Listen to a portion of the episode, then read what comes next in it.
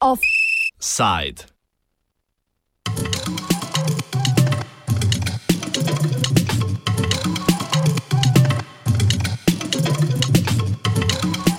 Kaj se bo izcimilo iz Cimosa?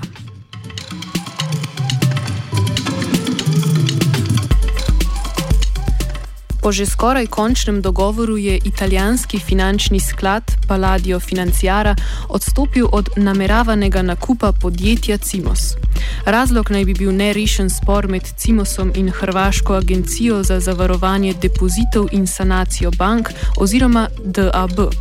Poskusi nakupa zadolženega podjetja so se v preteklosti že večkrat zataknili, medtem pa ju družba za upravljanje bank pa je pa je družba za upravljanje bank spremenila načrt prestrukturiranja.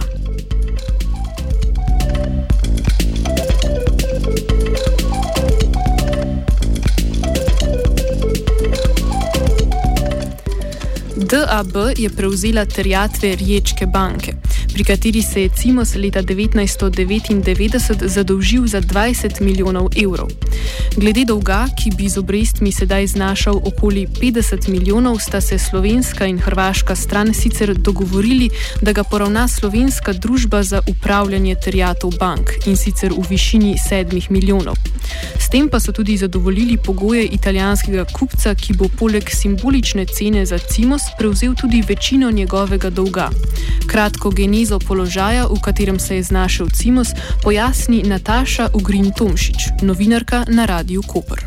Ta situacija pravzaprav vsega že precej nazaj, v času, ko je Cimos vodil Franz Kraševec. Um, takrat je bila avtomobilska industrija nekako v konjunkturi in uh, um, je Cimos imel velik zagon, uh, načrtoval je velike investicije in seveda posledično se je precej zadolžil. Um, po zdaj, zdaj dostopnih podatkih ta uh, dolg oziroma ta posojila uh, dosegajo blizu 250-270 uh, milijonov. Um, prihodki so se od leta 2011, ko so znašali skoraj pol milijarde, uh, evrov, do konca leta 2015 zmanjšali na 327, do poletja lani pa na samo 151 milijonov evrov. Dogovor s kupcem je bil seveda, da prevzame del Cimosovih dolgov, torej s tem Palladijo financarja, ki um, zaenkrat še ne vemo, kako se bo končala ta prodaja. Oni so se zavezali, da prevzamejo 106 uh, milijonov evrov približno dolgov, uh, tako da bi kupnina pravzaprav za Timos bila zgolj simbolična.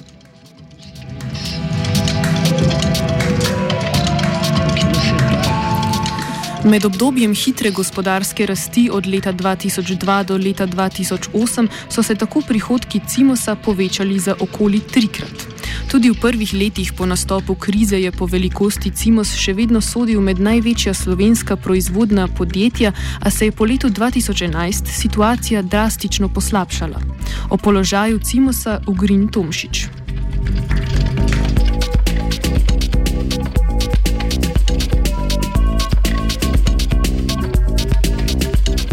Cimos seveda je perspektivno podjetje, če upoštevamo da so imeli precej naročnikov, jih imajo še vedno, da delajo v panogi, ki omogoča neko višjo dodano vrednost, zaposluje skoraj 4000 ljudi, zadnji podatek je v Sloveniji 1543. Uh, problem pa je, da so kupci, ki so uh, v avtomobilski industriji pač, um, pomembni, um, želeli neko stabilno lastništvo. Ta negotovost, v kateri je Cimos že toliko let, uh, ni dober signal. Um, državna pomoč seveda ne pride več v poštev. Ne? Če se spomnimo, 90 milijonov evrov je država vložila že v Cimos, tega, poleg tega so 150 milijonov pretvorili v kapital. In uh, o tem, da ima Cimo skupce, lahko govorimo pogojno, ne, ker um, nekako jim je pošlo potrpljenje, ne morejo uh, čakati več dolgo, kajti naročila, pogodbe se sklep, sklepajo za leto vnaprej, za dve leti vnaprej. Um, dejstvo pa je, da ima Cimos konkurenčne izdelke.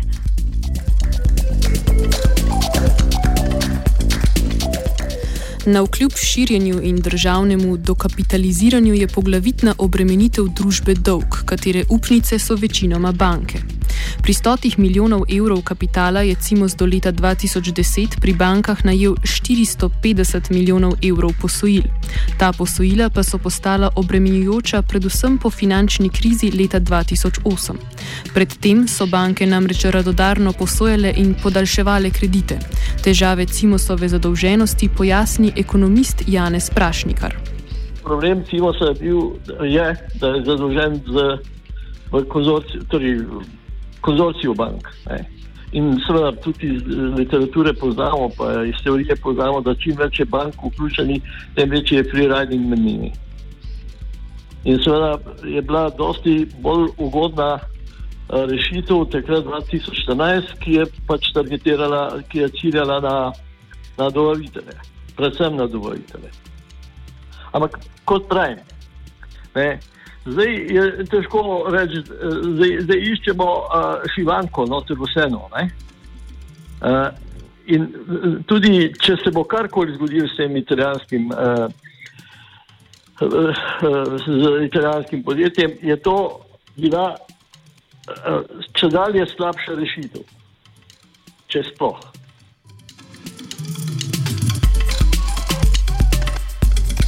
Med dolgotrajnim postopkom reševanja situacije Cimosa je bila namreč omejena možnost pridobivanja novih poslov, zaradi česar se je njegova situacija slabšala. Leta 2014 je DUTB odstopil od prvotnega načrta prestrukturiranja podjetja, ki ga je pripravila ameriška svetovalna družba Alvarez and Marshall. Po tem načrtu bi se približno 135 milijonov evrov bančnih terjatov pretvorilo v kapital podjetja. Po šestih mesecih se je DUTB odločil za prisilno poravnavo, kot razlog pa je navedel predvsem nižje stroške.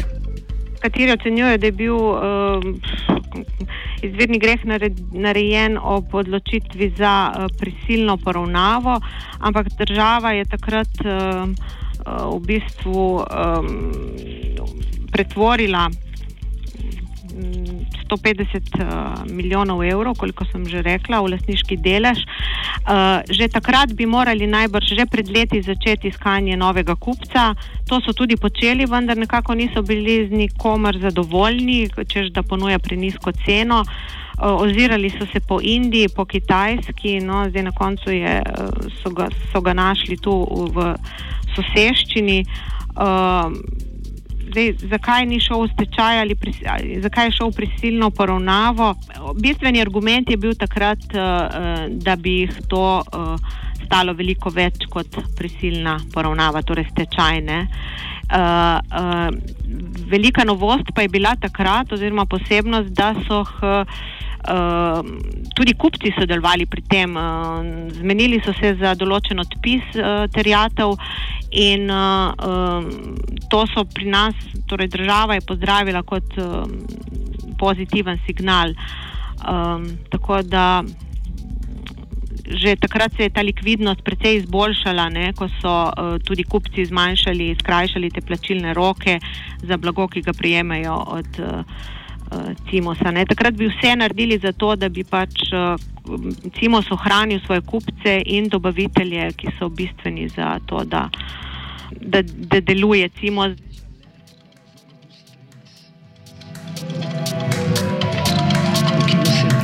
Družba v italijanskem skladu THC Kojime, ki je odstopila od nakupa, je sicer že v preteklosti opominjala na preklic nakupa v primeru neizpolnjevanja pogoja ureditve dolga. Pri tem, ob dejstvu, da uradnega obvestila o odstopu še ni, vznikajo opozorila na taktična preigravanja za voljo izboljšanja kupoprodajnih pogojev. Današnji offside zaključi Ugrin Tomšič. To je težko reči, zelo težko dobimo informacije iz uh, italijanske družbe.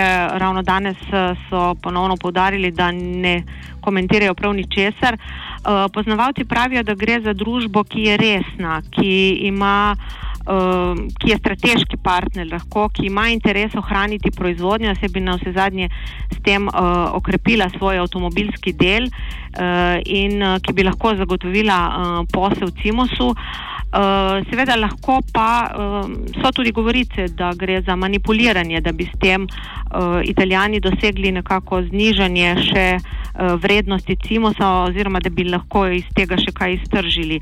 Um, tudi to je možno, um, čeprav kot pravim, neuradne informacije blizu kroga, tisti, ki se pogova pogovarjajo z italijanskim partnerjem pravijo, da so pravzaprav uh, imajo resen namen uh, prevzeti in da ne gre za neko finančno mahinacijo ali, ali neke igrice okrog tega. Ne. Seveda, zdaj, ko so padli te okostnjaki iz omar in ko um, Hrvaška zahteva uh, pač, uh, določene, postavlja določene zahteve in glede nepremičnin in glede tega dolga, seveda so tudi oni um, naveličenih te, teh preigravanj. Zato lahko razumemo, da, um, da morda mislijo resno, ampak se pravi.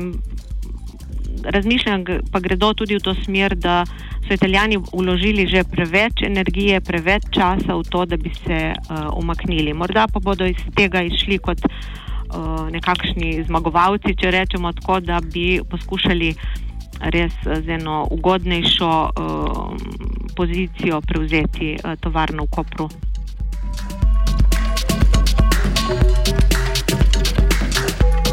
Offside je pripravil Tit.